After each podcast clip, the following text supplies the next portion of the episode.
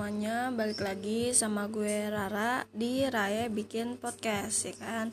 Sebelumnya gue udah pernah collab sama orang eh sama seorang penulis ya kan, tapi dia cuman uh, gue cuman bisa ngasih uh, ke kalian salah satu karyanya aja yang dia buat itu dia membacakan puisi dan sekarang baru ada waktunya buat kita collab nih. Kita baru ada ada waktu collab gue udah ngomong-ngomong kayak gue ngajak dia gitu dan akhirnya uh, dia mau siapa tahu buat kalian yang baru mau menulis atau kalian yang baru mau apa nih namanya mencoba-coba gitu dan siapa tahu ini menjadi inspirasi kalian atau menjadi pandangan kalian nih. Siapa tahu ya pan. Uh, abis ini gue bakal ngundang namanya Ading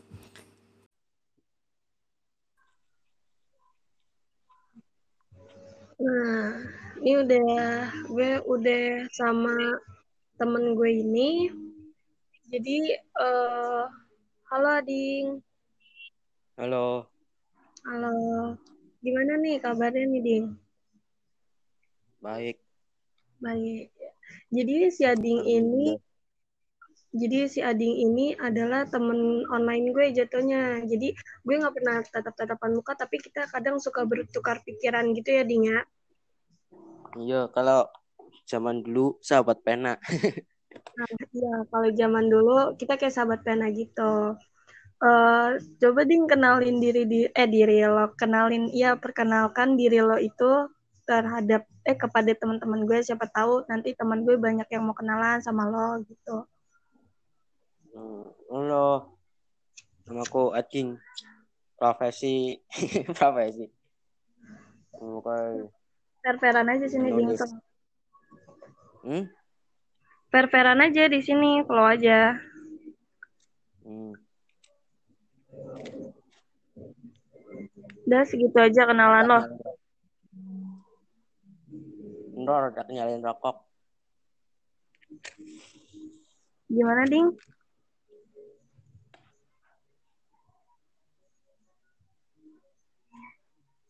Habis nyalin rokok. Oh, oke okay, oke. Okay. Lanjutin, lanjutin.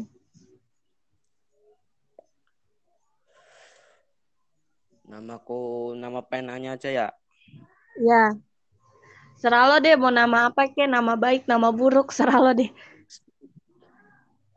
Nama penanya sebagai MF Ading. Diambil dari nama panjang MF-nya. Oh gitu. Terus kenapa lo bisa dipanggil Ading nih?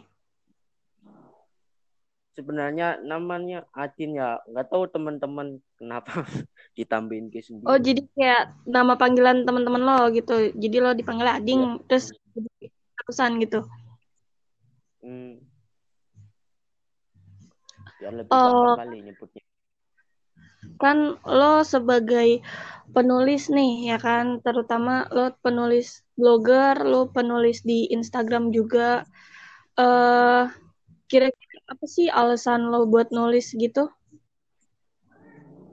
Lalu pertamanya pengen nyurain aja gitu ya. Kan nggak punya temen buat curhat dulu. Ya udah nulis aja.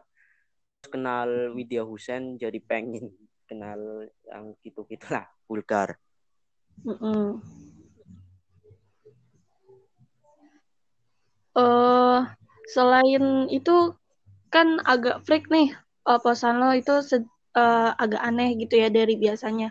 Biasanya orang-orang tuh nulis puisi, nulis atau nulis sajak gitu, biasanya nulisnya bahasnya cinta ya kan.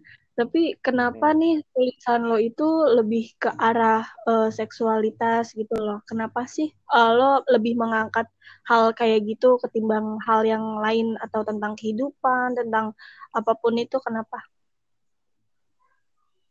Karena gimana ya? Kayak puisi, kayak diatur diatur atur gitulah, kayak buat indah-indah. Aku nggak pengen gitu sih. Biar lebih bebas aja berkarya gitu. Karena orang berkarya kayak terbatas gitu harus pakai bahasa yang baku atau apa gitu. Uh, apa sih motivasi lo buat nulis kayak gitu? Entah uh, ada suatu hal yang melatar belakangin lu jadi pengen nulis kayak gitu atau ada sosok penulis siapa yang lo kagumin atau hal apa yang jadi uh, mendorong lu buat uh, nulis hal itu gitu? Hmm, pengennya sih pembacanya gitu lebih mengenal luas tentang seks itu nggak nyimpang. Mm karena banyak penyimpangan tentang seks itu kan ya. Dan dianggap tabu gitu. Benar-benar kalau yang kalau orang yang memotivasi ya terutama Widya Husen ya. Terus yes. Remi Silado oke gue udah baca itu beberapa puisinya ngiplatnya gitu ke situ karena udah banyak banget ya penulis yang iblatnya ke Hairil Anwar, Sapardi. Iya, banyak banget. Mm -mm. Nah, kayak karyanya Ray Michelle itu gitu jarang gitu di zaman sekarang. Puisi miling gitu. Jadi buat teman-teman yang belum pernah menulis atau emang baru coba nulis, kalian bisa eh, cari-cari uh, tahu nih puisi apa yang kalian pas dapet feelnya gitu. Terus kalian bisanya itu nulis dan mau membahas apa tuh kalian bisa uh, cari sosok yang memotivasi. Jujur aja ya ding gue kan lebih ke arah uh, gue bahas seksualitas juga ada ya kan gue bahas perempuan ada gue bahas tentang hidup juga ada bahas tentang agak anarko dikit juga ada sama gue lebih bahasnya lebih seringnya kan gue puisi cinta gitu ya kan. Gue itu ngarah ke Sapardi gitu ya kan. Tapi ternyata sekarang uh, ketika gue membaca-baca lain hal-hal lain gitu jadi gue banyak tahu ternyata banyak puisi-puisi yang lebih lebih lebih dari apa yang udah gue tulis. Dan salah satunya uh, gue baru tahu puisi Remi Silado itu ketika uh, dari gaya lo nulis itu dan gue cari-cari tahu gue searching-searching dan akhirnya oh ternyata masih ada puisi yang lebih unik lagi gitu loh ding. Terus uh, dari apa ya apa sih tujuan maksudnya kan lu udah nulis nih berarti kan lu pengen para para pembaca lu ini uh, mereka nggak memandang seks itu sebagai hal yang tabu gitu ya kan? Uh, iya. Instagram ini kan digunain sama beberapa umur gitu ya kan? Ada yang anak kecil ya kan? Orang dewasa remaja gitu. Ada hal apa sih maksudnya? Kayak yang uh, mungkin jadi sesuatu masalah buat lo pas lo ngepost gitu? Atau ada dulu uh, pernah di report orang atau di komen-komen orang gitu ada nggak sih? tadi menghubungkan Rai. Nanya apa tadi? Gimana? Tadi jaringannya menghubungkan, nggak jelas.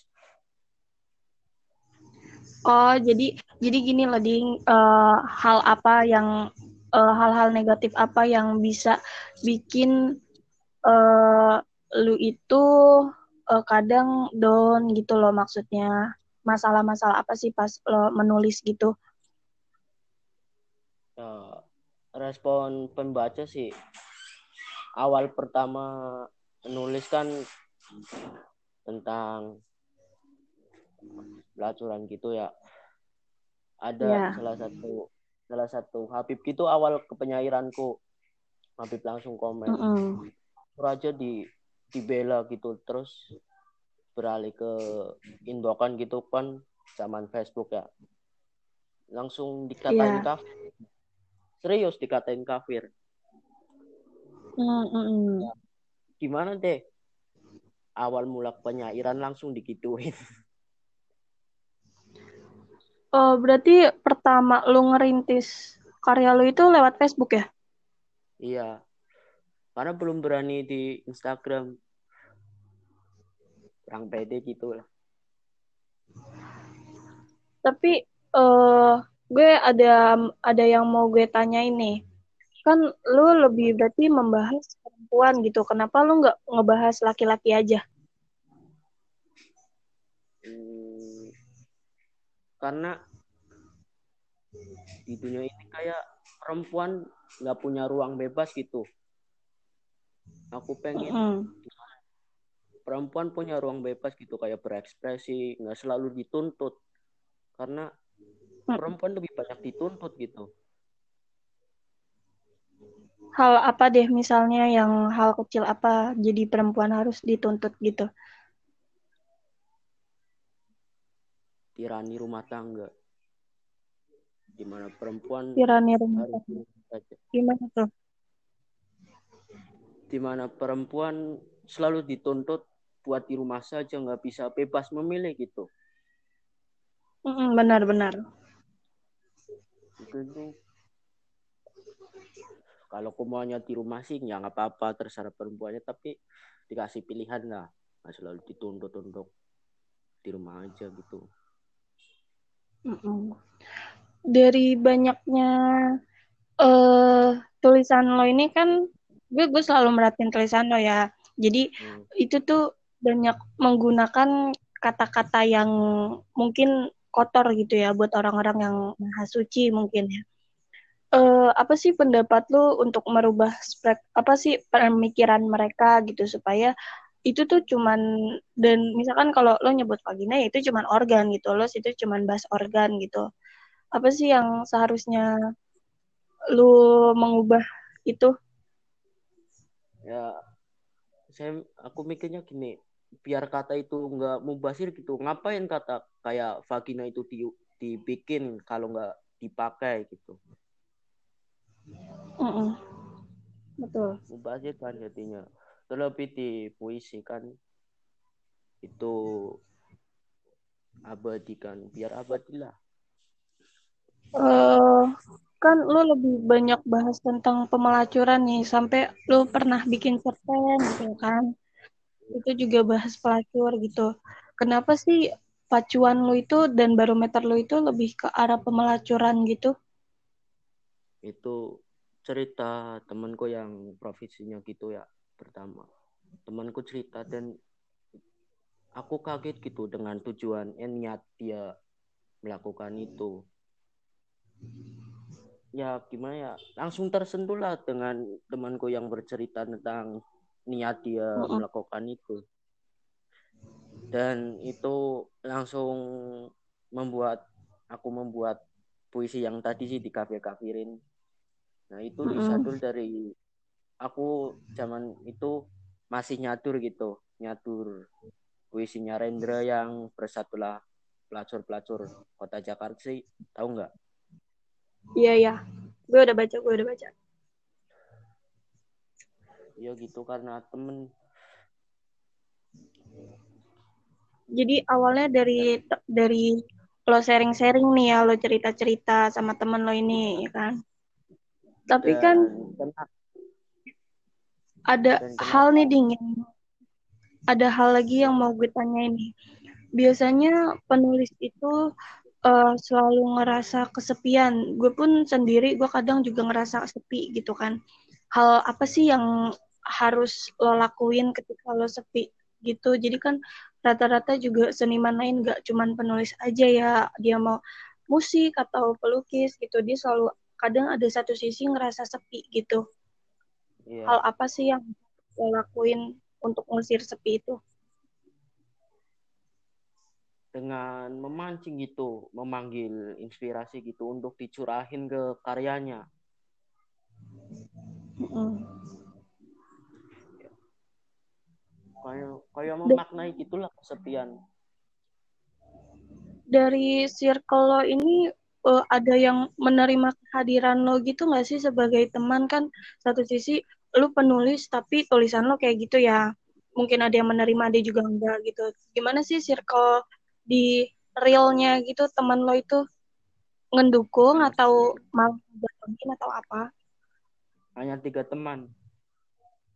Kurang lebih lo tiga punya lo cuman punya tiga teman? Iya secara langsung sih bukan di teman sosial media ya. Kalau di sosial media tuh mah banyak teman secara langsung di desa gitu hanya punya Mm-mm. tiga teman yang mendukung lainnya kontra kontra kontranya kayak gimana nih keluar dari norma agama Oh, jadi circle ini termasuk yang agamis gitu ya? Iya. Hmm. Tapi hubungan lo dengan mereka masih tetap baik-baik aja atau emang kadang lo disindir atau gimana gitu? Secara secara temenan nongkrong ya baik sih. Mm-mm. Cuman kadang ya nggak tahu di belakang ya.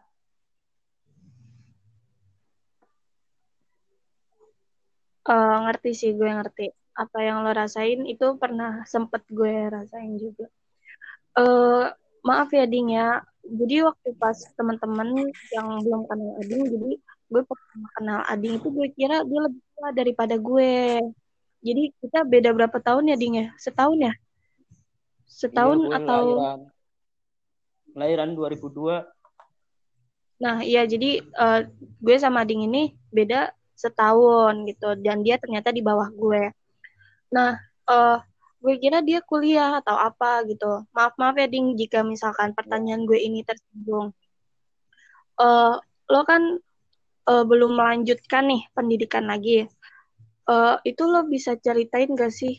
Eh, biasanya kan banyak orang-orang di luar sana yang putus sekolah gitu ya kan, misalkan mereka tuh jadi malah terlalu membebaskan diri, jadi nggak ada hal positif yang bisa mereka lakuin gitu. Eh, lo bisa kayak ceritain apa yang eh, perjalanan lo ini sampai lo bisa menghasilkan karya, lo bisa menghasilkan hal sesuatu gitu. Eh, bisa ceritain nggak?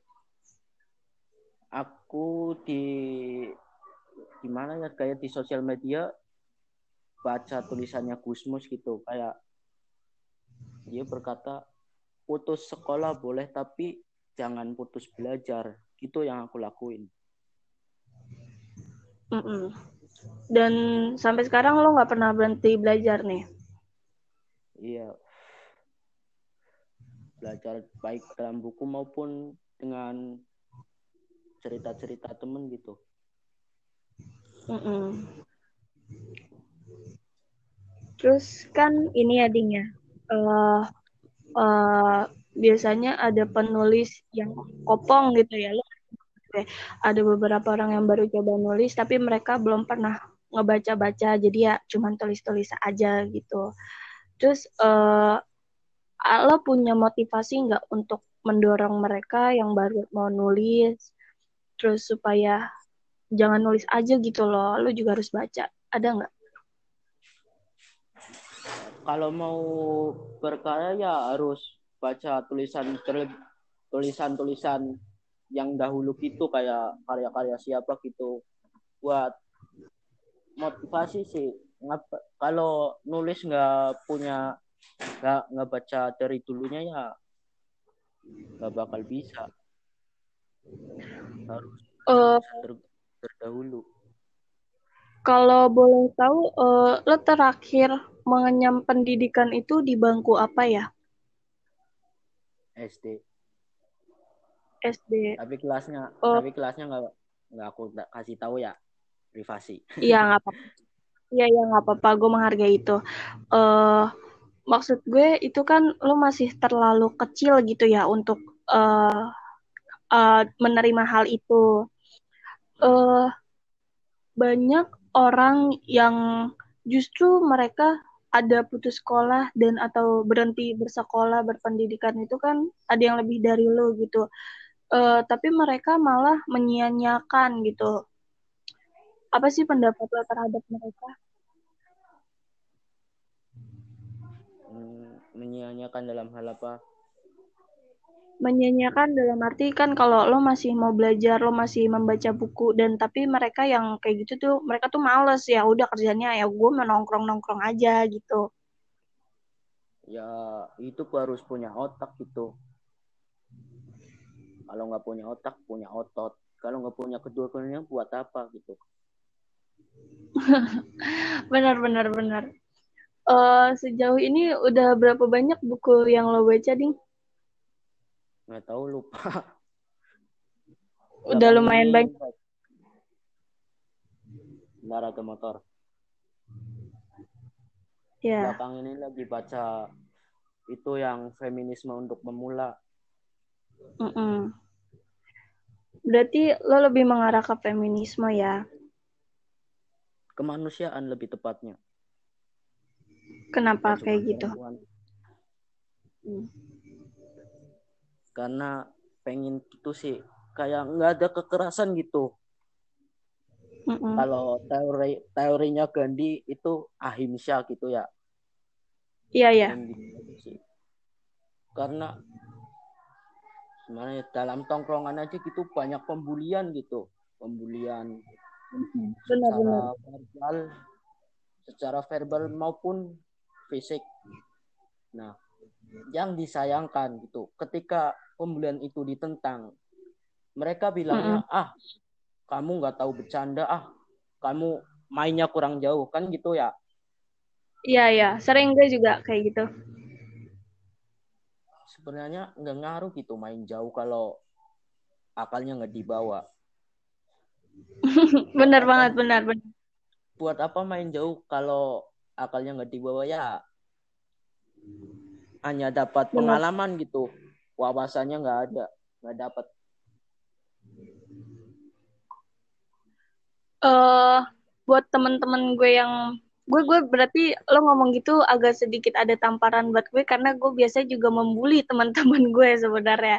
Tapi itu eh, maksud membuli itu dalam arti positif gitu loh ding. Kayak eh ya lo kayak apa ya kayak seenggaknya gue membuli itu buat membangun motivasi dia gitu. Dia dia juga biar buat kebaikan dia juga gitu. Tapi kan ada juga orang yang kelewat batas sampai nggak tahu di titik mana orang itu kebawa perasaannya ya kan? Iya. Orang Nah. menerimanya beda-beda. Mm-mm, benar. Eh kalau boleh tahu buku sat- satu buku yang benar-benar lo suka dan lo benar-benar gak pernah capek-capek buat baca itu berkali-kali buku apa? bukunya itu Widya Husen serius udah berkali-kali Jadi- aku baca Jadi lo mencit apa maksudnya lo termasuk penggemar dia? iya banget lah selain Widya Husen ada Rendra yang empat kumpulan sajak. Mm-mm. Eh, si Rendra ini kan termasuk penulis lama ya, dan? Iya. Dia kehadirannya juga udah maksudnya nggak bisa kita rasakan lagi tapi kita tetap bisa ngerasain dia lewat tulisannya dia lewat karya-karyanya dia gitu. Seandainya si Rendra ini atau si Mas Willy ya biasanya dipanggilnya itu Mas Willy. Eh mm, lo pengen ngelakuin apa sih kalau misalkan ketemu gitu? Menjadi murid. Jadi muridnya dia iya. Emang apa sih yang kita citain setelah menjadi muridnya dia? Gimana? Emang apa yang lo cita-citain setelah menjadi muridnya dia? ya Rendra begitu hafal gitu melihat lembah kehidupannya. Pandangannya luas Rendra terhadap lembah kehidupan Eh, dari dari tadi beberapa pertanyaan yang gue tanyain ke lo nih ya kan. Terus kan Ya. berarti setiap orang itu mempunyai cita-cita dan harapan gitu ya. Nah, apa sih eh, harapan lo ke depannya untuk semua orang, untuk semua teman-teman lo, untuk semua apa pun itu eh, bisa lo curahin di sini atau apa terserah bisa lo gue kasih ruang lo di sini untuk berbicara.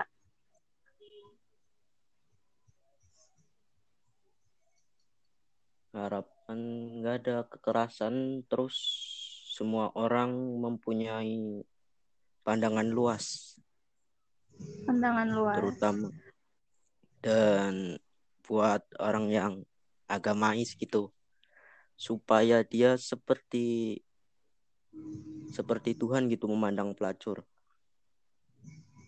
memandang pelacur bukan dari dosanya gitu.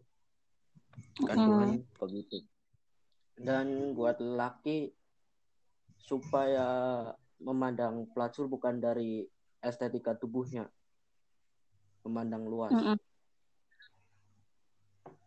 karena pelacur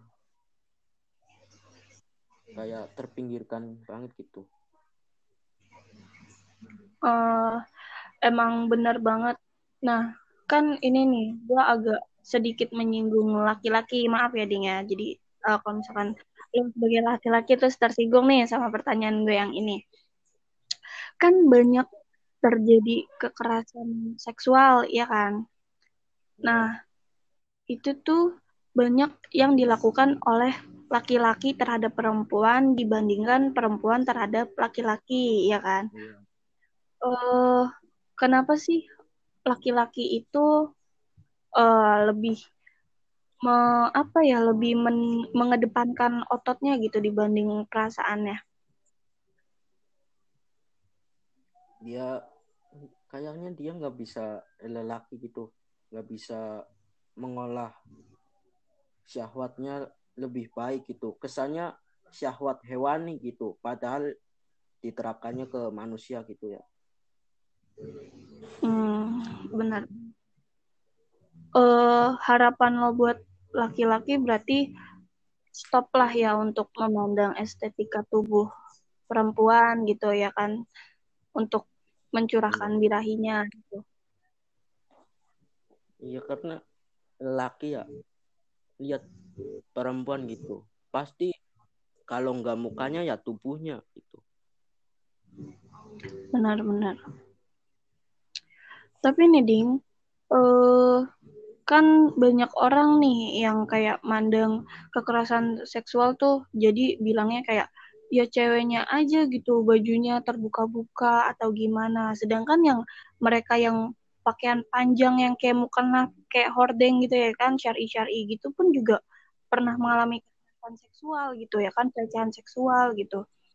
Kenapa sih kayak gitu? Jadi stigma wanita selalu jelek di mata mereka.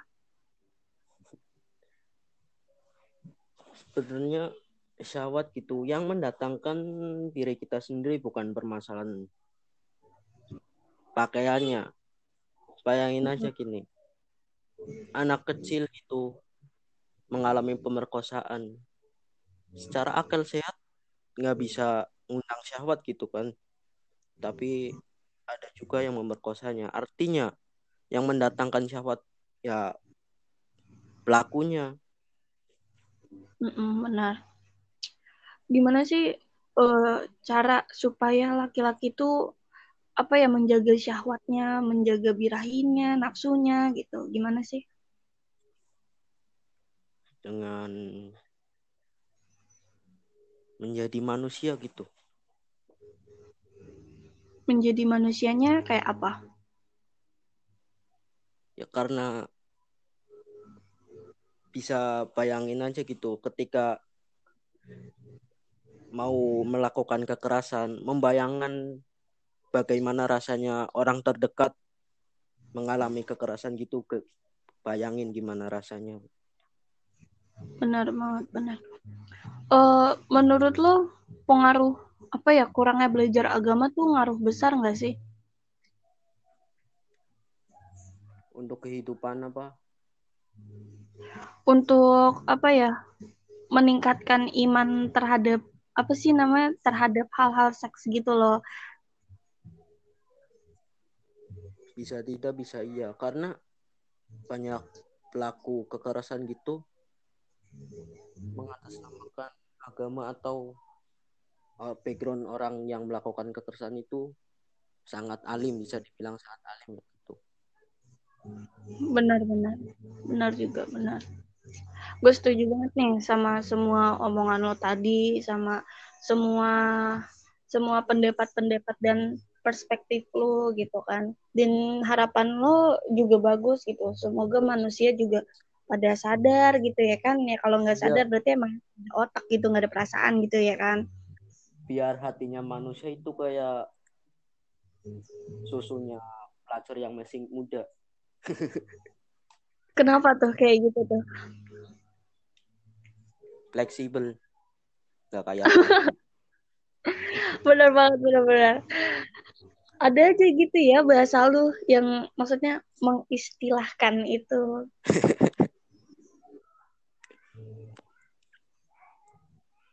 selain hobi lu nulis apa nih? Selain nulis gitu dan membaca buku mungkin itu sebagai hobi lu. Ada hobi lain nggak? Gambar-gambar gitu di HP kayak kartun-kartun gitu sih. Jadi lu juga hobi gambar gitu ya? Iya.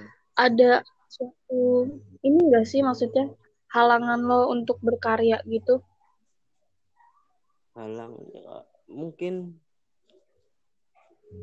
hmm, kayak respon orang-orang gitu kadang bikin down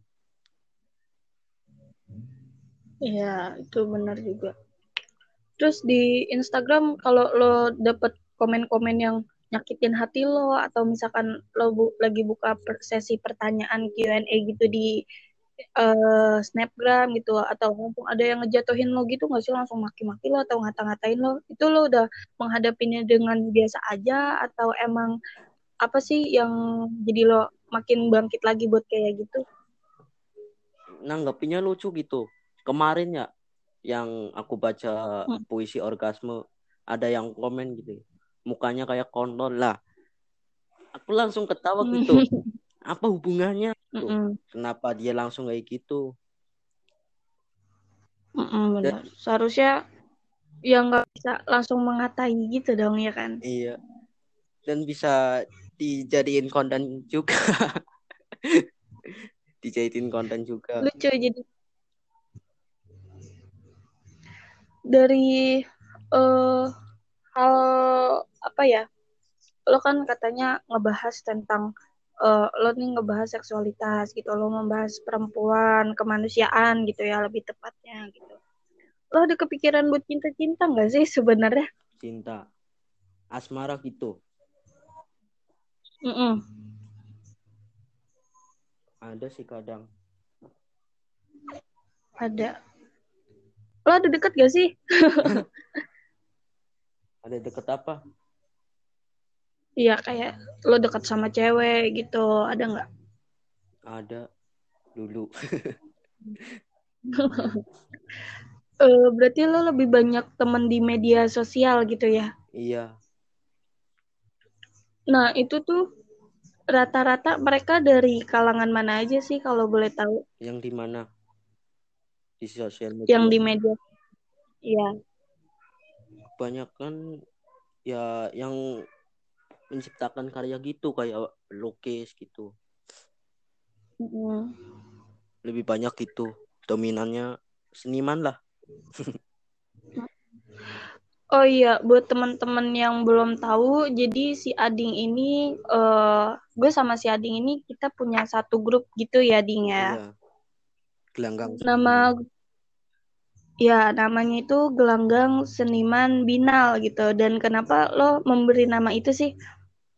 Gelanggang dalam KBBI itu artinya tempat berperang. Sedangkan kita kan basicnya dalam karya-karyanya kan hmm, kayak mengkritik-kritik gitu kan tentang kejahatan kayak gitu kan. Kayak si Rainka Rainka juga aktivis perempuan Feby. Mm-mm. Jadi eh, buat teman-teman yang semisalnya mau ikut bergerak atau eh, untuk memajukan perempuan gitu, lo menerima dengan pintu seluas-luasnya nggak sih untuk bergabung di di grup ini gitu? menerima Menerima. Berarti lo nggak mandang-mandang orang nih ya? Iya kan niatnya gitu kayak tukar pikiran juga nggak mesti berkarya kalau orang udah punya pikiran tentang kebaikan gitu dia udah seniman Kenapa gitu? karena dia berpikir untuk melakukan kebaikan gitu artinya melakukan kebaikan gitu sama aja menciptakan karya Benar. Jadi buat teman-teman eh di gelanggang seniman binal ini uh, kalian bisa banyak uh, kenalan aktivis perempuan yang mereka udah mengikuti beberapa aksi atau beberapa diskusi gitu. Mungkin ada yang ikut apa sih Women March di uh, lingkaran di lingkar hotel Indonesia atau di aksi-aksi lainnya dan mereka punya perspektif yang beda-beda. Buat kalian yang mau gabung atau kalian mau menambah ilmu di sini si Ading ini dan gue dan teman-teman selang apa gelanggang seniman binal ini membuka pintu seluas-luasnya gitu buat yang buat gabung ya yang mau gabung. Ada lagi nggak nih Ding mau yang lo bahas Pengen di sini? Ini, mau cerita tentang karya-karya yang bisa dibilang keluar dari kotaknya ya. Jangan kayak jangan ngira karya-karya zaman sekarang itu ancur-ancur lah. Karena karya-karya kayak gitu yang membawa kesan miras gitu udah dari dulu. Udah dari Abu Nawas gitu. Abu Nawas mm. itu pelopor puisi tentang Al-Hamriyat. Al-Hamriyat itu diambil dari kata hammer dalam bahasa Arab yang artinya miras. Dan di puisinya gitu tulisannya ada yang begini Tuhan tidak pernah berkata celakalah orang yang mabuk, tapi Tuhan berkata, celakalah orang yang beribadah. Dan aku menafsirkannya gitu kayak dia memakai majas sarkas gitu. Banyak uh -uh. juga yang rajin sholat gitu tapi hipokrit gitu alias munafik lah. Iya. Jadi karya-karya kayak gitu yang keluar dari lingkarannya itu udah dari dulu.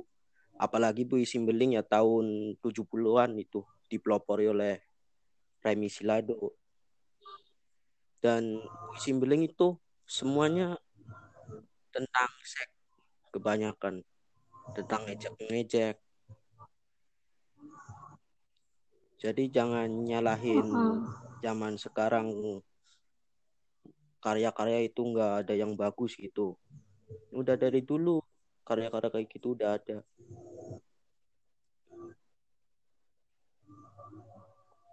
Benar-benar. Ada lagi? Apa ya? Bingung juga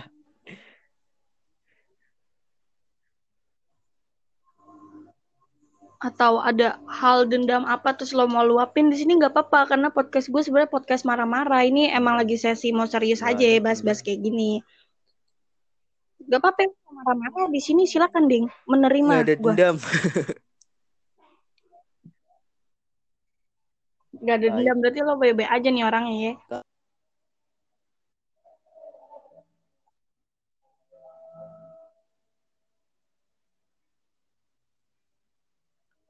apa nih?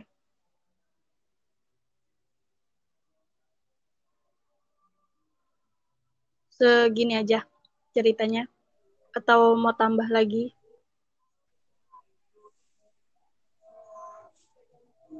Kamu dong barangkali tanya lagi. Oh. Oh, oh lu udah bingung lagi nih. Lo udah bingung. Uh, lo kan biasa nulis lewat HP gitu ya, ya nggak sih? Media lo lewat HP. Dari HP iya. terus lo edit-edit, lo gambar-gambar gitu ya kan?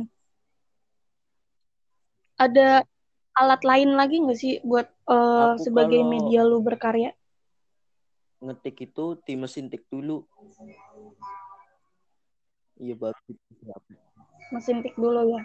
Apa ada alat elektronik yang lainnya yang paling HP. apa gitu aku nggak punya ada laptop gak? sih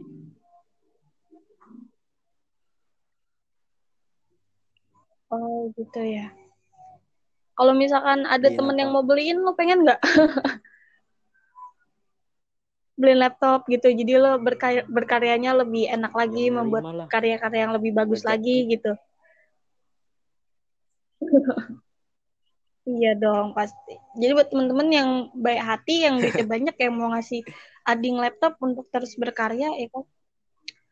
Ading menerima nggak nggak mungkin menolak gitu atau teman-teman yang mau uh, ngasih buku Iya. atau apa kasih buku ke gue juga dong Bukuku Udah masih habis. sedikit. gue atau kading juga boleh ya kan hmm gitu udah ya, ding ya sampai sini aja sekiranya kayaknya pertanyaannya udah cukup lengkap buat lo jawab terus udah banyak eh, hal-hal juga yang udah lo sharing-sharing nih ke pendengar gue gue makasih banget eh, atas waktu lo yang udah lo luangin nih jadi kan sebelumnya kita udah mau gitu ya tapi Iya. kan ada hal-hal tertentu yang nggak bisa gitu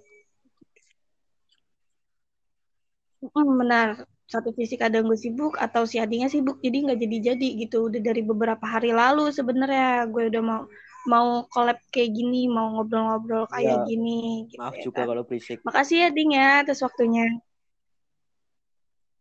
Iya nggak apa-apa nggak apa-apa. Udah lumayan bagus kok karena sebenarnya Ya, podcast gue kan juga maju. amatiran gitu apa Biar adanya. kayak Deddy Kobuser. Iya, Iya, amin.